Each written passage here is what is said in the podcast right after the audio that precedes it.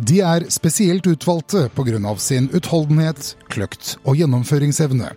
Hver enkelt har gjennomgått en av de hardeste opptakene i Forsvaret.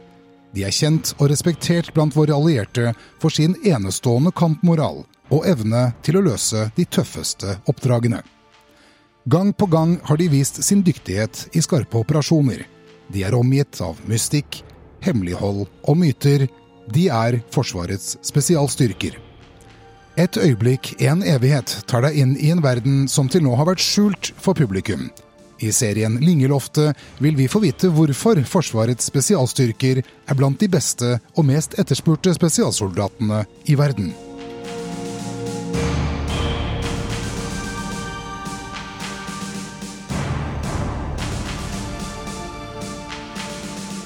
Vi var tre venner som uh Hvorav to var så opptatt av å komme seg til England. Mens jeg sa at jeg tror jeg kan gjøre mer her. Og uh, kom etter hvert inn i det som Milorg. Og uh, endte opp, eller nokså fort faktisk, endte opp å være som visegutt, holdt jeg på å si, for, uh, for Møyen, som da var sjef i Milorg.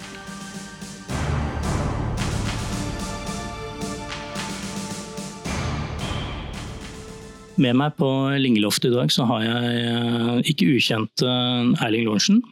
Det eh, representerer da Kompani Linge her i dag. Og også sjefen for spesialstyrkene, generalmajor Torgeir Gråterud. Velkommen begge to. Torgeir, du er på hjemmebane her med spesialstyrkenes eget lokale. Ja, vi er, vi er på Lingeloftet, og det betyr jo veldig mye for oss. Her har vi pussa opp men eh, hvis, hvis, eh, man kan tenke seg møblene, så er jo de slik de var i, i, i, si, i gamle dager. Når Lingeklubben var fullt ut eh, aktivt. Så dette bruker vi til samlinger i spesialstyrkene. For veteranene våre. Og også når vi har med utenlandske gjester som, som besøker oss. Og I dag har vi en spesiell gjest med oss. Vi har Erling Lorentzen. Og eh, vi har allerede snakket litt om eh, de dramatiske, den dramatiske tiden du opererte her i Norge, og så, så måtte du flykte til England. I august 42 var det altså at jeg, jeg hadde kontakt i Drammen som eh, varslet meg om at det var sprukket helt til Drammen. Så jeg fortet meg da å gi beskjed til Møyen. Og uh, sa han nå må vi, må vi se. Og så ringte det på døren. Og uh, det viste seg var sjefen for Gestapo. Men vi gikk ned uh, kjøkkentrappen, og der var det jo tydelig at det sto folk, da, men vi spøkte litt og gikk forbi, så det var greit. Jeg kommer til England da, fra Sverige. Og øh, jeg kom til London, traff min far, som øh, kunne si at øh, Jeg fortalte litt om hva jeg skulle videre med. Og det var han ikke helt begeistret for. For han hadde allerede to som var i flyvåpenet. To sønner. Og syntes at den yngste av disse seks da kunne jeg finne på noe roligere enn det jeg da skulle videre med. Du var aldri i tvil om at du skulle fortsette Nei, det var eh, Vi var jo klar over at det var arbeidet i Norge som var det viktigste.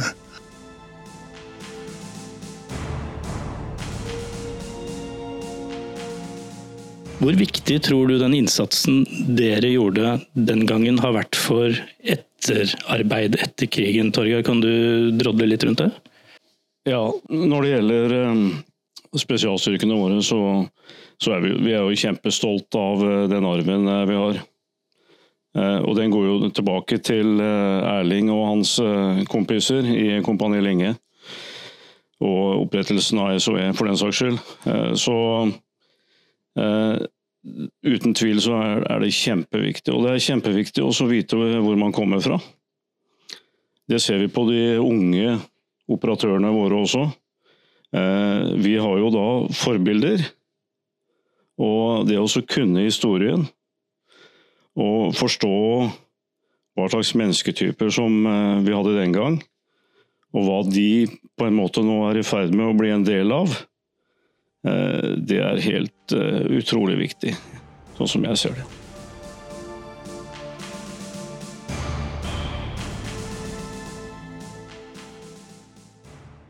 Da altså, vi var ferdig med krigen, så, så arbeidet Kjakan og Baalsrud og jeg med på å se på hva er neste skritt. Mm. Og fikk en kontakt med general Donovan i Amerika. Så uh, jeg skrev til ham og kontakt med ham om at uh, vi bør fortsette å være forberedt.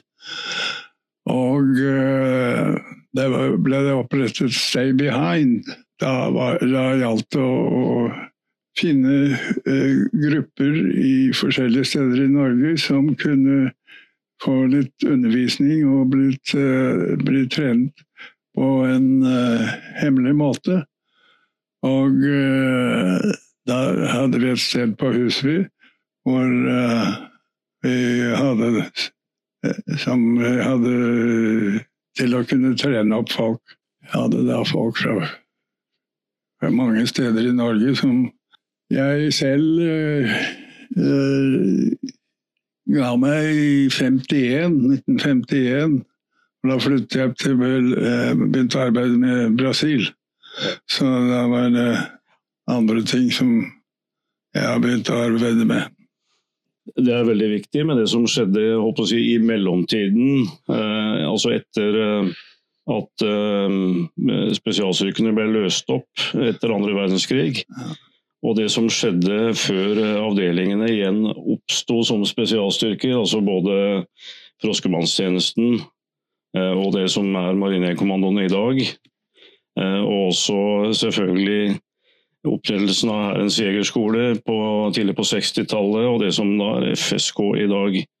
Men de lærdommene som man hadde dratt under andre verdenskrig, Erling, og, og, det som du og Kjakan og Joakim Rønneberg og, og de andre hadde lært og erfart, det, det jobba jo du videre med i forbindelse med, med Stay Behind, som du sier. Og jeg regner jo med at um, si, både motivasjonen og rasjonalet, det var jo å være forberedt hvis man skulle få en, eh, en, eh, en, slik situasjon som man hadde fra før til 45 igjen. At vi på en måte ikke måtte glemme å være klar når det kreves. Ja, og på en hemmelig måte. Altså, hvis vi skulle bli okkupert om igjen, så skulle vi være forberedt. Også i tillegg så um, ble jo en del av lærdommene eh, de ble jo også videreført i, i Heimevernet. Ja. Eh, med diverse utdanninger og kurs. Jeg vet ikke om, eh, om du var med på, på, den biten, Erling? Ja da, jeg var for så vidt ivrig for så vidt med Heimevernet og den opprettelsen der. Men det var dette med Stay Behind som jeg var veldig arbeidet med. Går det an å trekke noen eh, paralleller til, eh, til, det mannskapet vi har, disse menneskene som, som uh, står i dette, er sånn helt tilbake til krigsskårene? Altså, vi snakker, vi snakker et tidsspenn på, på, nesten 80 år her. Ja, jeg, har jo vært så heldig å, å, å snakke en god del med våre forbilder og eh, gode veteraner fra Kompani Linge, Shetlandsgjengen. Eh, og også kommandos, for den saks skyld, nede på Valkyrien. Og eh, det som slår meg, er jo at det er store likheter på mennesketypene. Og det er jo, det er jo da det her som går på å ha de riktige holdninger. Alltid jobbe for eh, si, demokrati og at Norge skal være et, et fritt land. Det er veldig, veldig viktig. Eh, videre så, hvis man ser på persontypene, så, så søker jo vi eh, etter forskjellige typer. Fordi det er jo eh, forskjellighet som gjør at eh, man får en god patrulje. Og får en god eh, oppdragsløsning. Og så er det da viljen å finne løsninger som kan synes forholdsvis vanskelige. Men man kommer alltid opp med en løsning, og gjerne en løsning som er litt ukonvensjonell. For det er, uh, det er også noe som skal og bør kjennetegne spesialoperasjoner og spesialstyrkene. Eh, og etter å ha snakka med, med, de som var med under krigen, så søker jo vi de samme typene. Eh, og Erling og, og, og hans eh, gode kolleger de, de, har jo sagt mange ganger at det er godt å se at det er gnist. Det er godt å se at det er de samme typene som blir med i spesialstyrkene. Og det er kanskje det viktigste for oss grunnfjellet i spesialstyrkene vil alltid være de menneskene som er der. Eh, man vil eh, ha en teknologisk utvikling, og vi er jo mye heldigere enn man var under krigen med, hjelpemidler. Eh, men det er personene som, som, løser oppdraget. Du er enig i det, Erling, at mindset og måten å tenke på er, er det samme Absolutt. Er, som du sier, så er det spørsmål om menneskene det dreier seg om. Og deres uh, innstilling og kvaliteter. Det er uh, ikke noe tvil om det. Det har vel mye med, med grunn til at, at uh, våre spesialstyrker har dette renommeet de har i dag. Fordi vi, vi klarer å beholde denne, dette mindsettet og måten å tenke på. Improvisasjon og ta til seg nye ideer og, og, og følge opp det. Spesialstyrkene vil aldri bli gode i, i tradisjonelle landoperasjoner, altså med bataljonsstørrelser og slike ting. Vi må også brukes på det vi er eh, gode til, og det er i, det er i mindre forband. Og det er å være fleksible. Fleksible i hodet. Eh, og vi må, eh, vi må ha evnen til at alle som er med, de ønsker å gå den ekstra mila. Og det får vi jo testa ut eh, gjennom eh, den seleksjonen og grunnutdanningen som, eh, som vi kjører. Da kommer man borti mange av aspektene som vi mener da er riktig å få prøvd ut, før man får en fast tilsettelse i spesialstyrkene. Og, og, og seleksjonsbitene er kjempeviktig, sånn at vi får de riktige menneskene. Hva tenker du Gråterud, om, om treningsregimet eh, som dere har lagt opp i dag. Og så tenker du deg tilbake til, eh, til England i 41-42. Og hvordan eh, Erling og, og, gutta da fikk en skikkelig krasjkurs i, i hva, hva, dere driver med i dag. Hvordan kan det ha arta seg? Hvordan klarte de det? Jeg tenker det forteller litt, da. Sånn som Erling, som allerede var aktiv fra krigen brøt ut som eh, veldig ung eh, mann. Eh, og den motivasjonen og den risikoen man tok, det forteller jo litt om personene som tok en stor risiko. Man dro gjennom Sverige, for så å havne opp i, i, i England. Opprettelsen her var jo å kunne gjøre operasjoner på norsk okkupert Eller på, på norsk jord igjen eh, under krigen. Og um, tyskerne var jo overalt. Ja. Og uh, ditt område, som ble i Hallingdalen eh, Dette var selvfølgelig en, en svært risikabel eh, sak. Da må man selvfølgelig ha en utdanning og være forberedt. Utdanningen i Skottland og England var jo beinhard, Erling. Ja, det er det psykiske som er viktigst. Mm. Det er ikke umulig å gjennomføre dette her, eh, men man må være litt eh, forberedt. Og det er som Erling sier, altså den psyken, eh, viljen etter å gjennomføre et oppdrag, ta, lage små mål, for du vet at neste dag kommer det en ny utfordring, det tror jeg er kjempeviktig. da.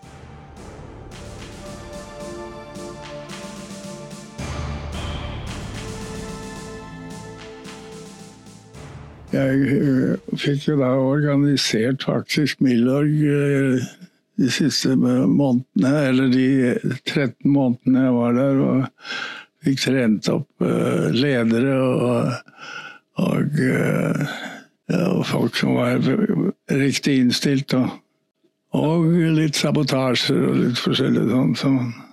Når du da rekrutterte personer i Hallingdalen, eller soldater i Hallingdalen, kan du fortelle litt om hvordan du gjorde det?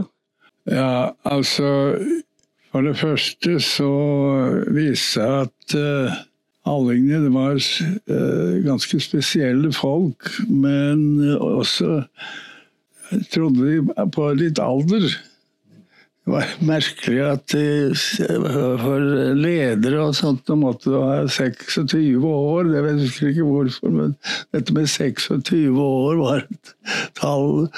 Og da kunne jo ikke jeg fortelle at jeg var bare 19. men uh, det, det gikk. Men, men, men du, du, svarte ikke på hvor gammel du var da? Nei. Nei.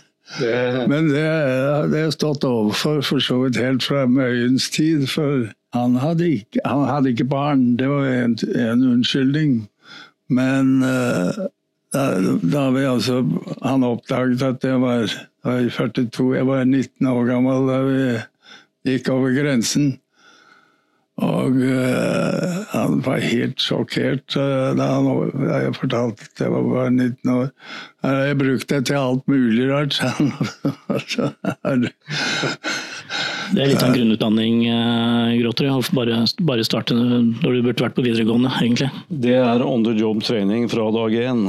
Du verden. Det er Det er også litt morsomt start. å høre Erling si at Og så var det litt sabotasje som en sånn bisetning. Men det var jo det dere gjorde, å drive med operasjoner mot tyskerne. Det var jo krig? Ja, ja. Men um, min hovedoppgave var å, få det organisert og få uh, folk trent og, og sånn. Jeg endte med, med i Hallingdal på 800 mann. Men det var ikke det at jeg snakket med eller hadde kontakt med 800 mann. Jeg hadde et eh, fåtall som jeg da arbeidet med, for så vidt. Ja, Det var vel også viktig, sånn at, eh, at uh, tyskerne ikke kunne rulle opp uh, nettverket, vil jeg tro.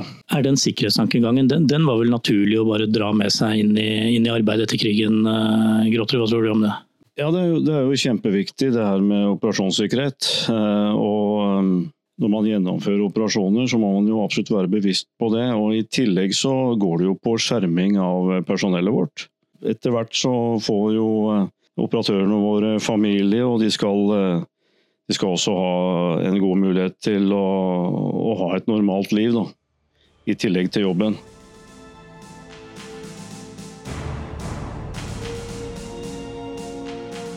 Det var det viktige. Min oppgave var å få mest mulig navn på hvem var tyskerne ute etter.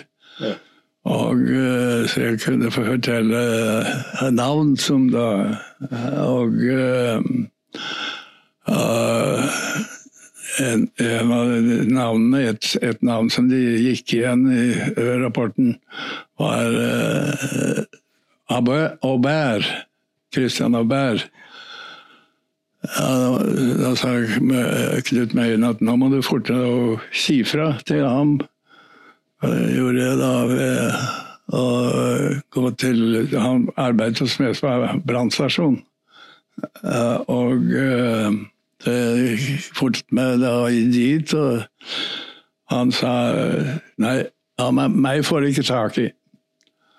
Og tre dager senere så var han tatt. og drept. Så det var, gikk fort for seg. Det sier jo litt om, eh, om, eh, om den virkeligheten, eh, Grotterud. Dere blir vel ikke forberedt på akkurat de scenarioene, men, men dagens operatører må vel kunne tenke fort og snu seg rundt de også?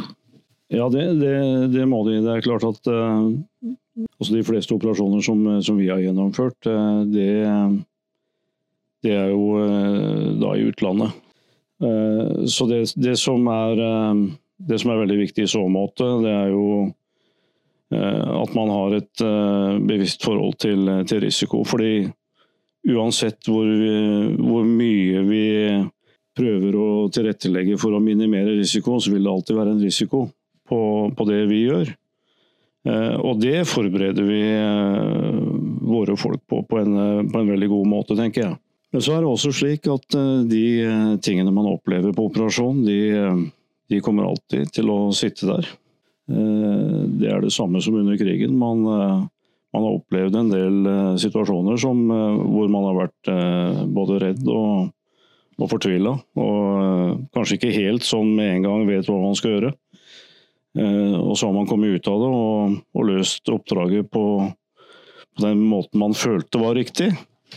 Eh, men uansett da, så, så, er det viktig, og da, det er jo litt tilbake til eh, Lingeloftet også, å ha et samlingssted hvor de som har vært med på de samme tingene kan snakke fritt. Og selv om det da er en en, kanskje en eh, operatør som har slutta for kanskje fem år siden. Når han er tilbake her, så, så er det som eh, man møttes i går. Og, det forteller jo litt om eh, både kameratskapet og det limet som er mellom, eh, mellom de som, eh, som, gjør denne type operasjoner. Da. Kjenner du deg igjen i det, Erling? Hadde du god kontakt med, med si, dine etter krigen, dine kamerater? Ja, det er jo ikke tvil om det. at uh, Spesielt uh, Kjakan var, uh, som jeg da hadde truffet allerede i 41. Ven, vennskap og, og sånn, det er viktig. Og, og det at man stoler på hverandre. Ja. Altså tillitsbiten her. Fordi det man blir satt til, det er jo ikke noe man Det er jo ikke helt sånn normalt alltid. Det er jo litt ekstremt da må man Da er det mer enn deg selv. Du må, du må ha noen som du, du stoler på, som tar ryggen din. Som da blir venner for livet. Altså, la oss si at det omtrent blir en, en ekstra familie ja. i tillegg til din egen familie.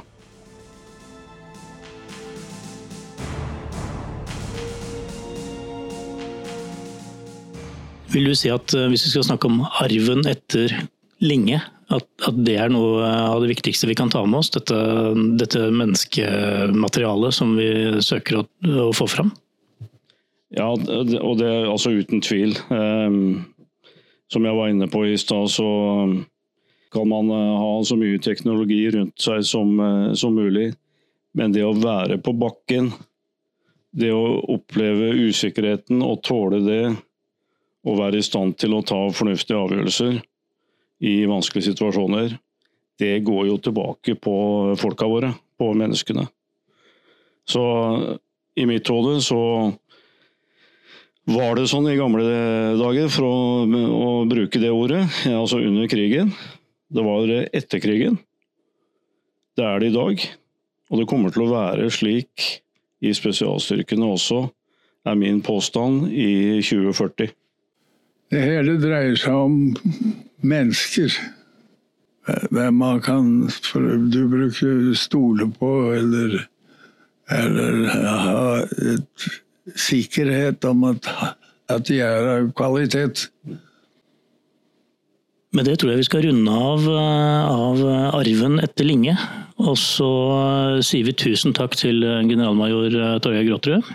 Og til nestor i, i, denne sammenheng, Erling Lorentzen. Tusen takk for at dere kom hit eh, på Lingeloftet sammen med oss.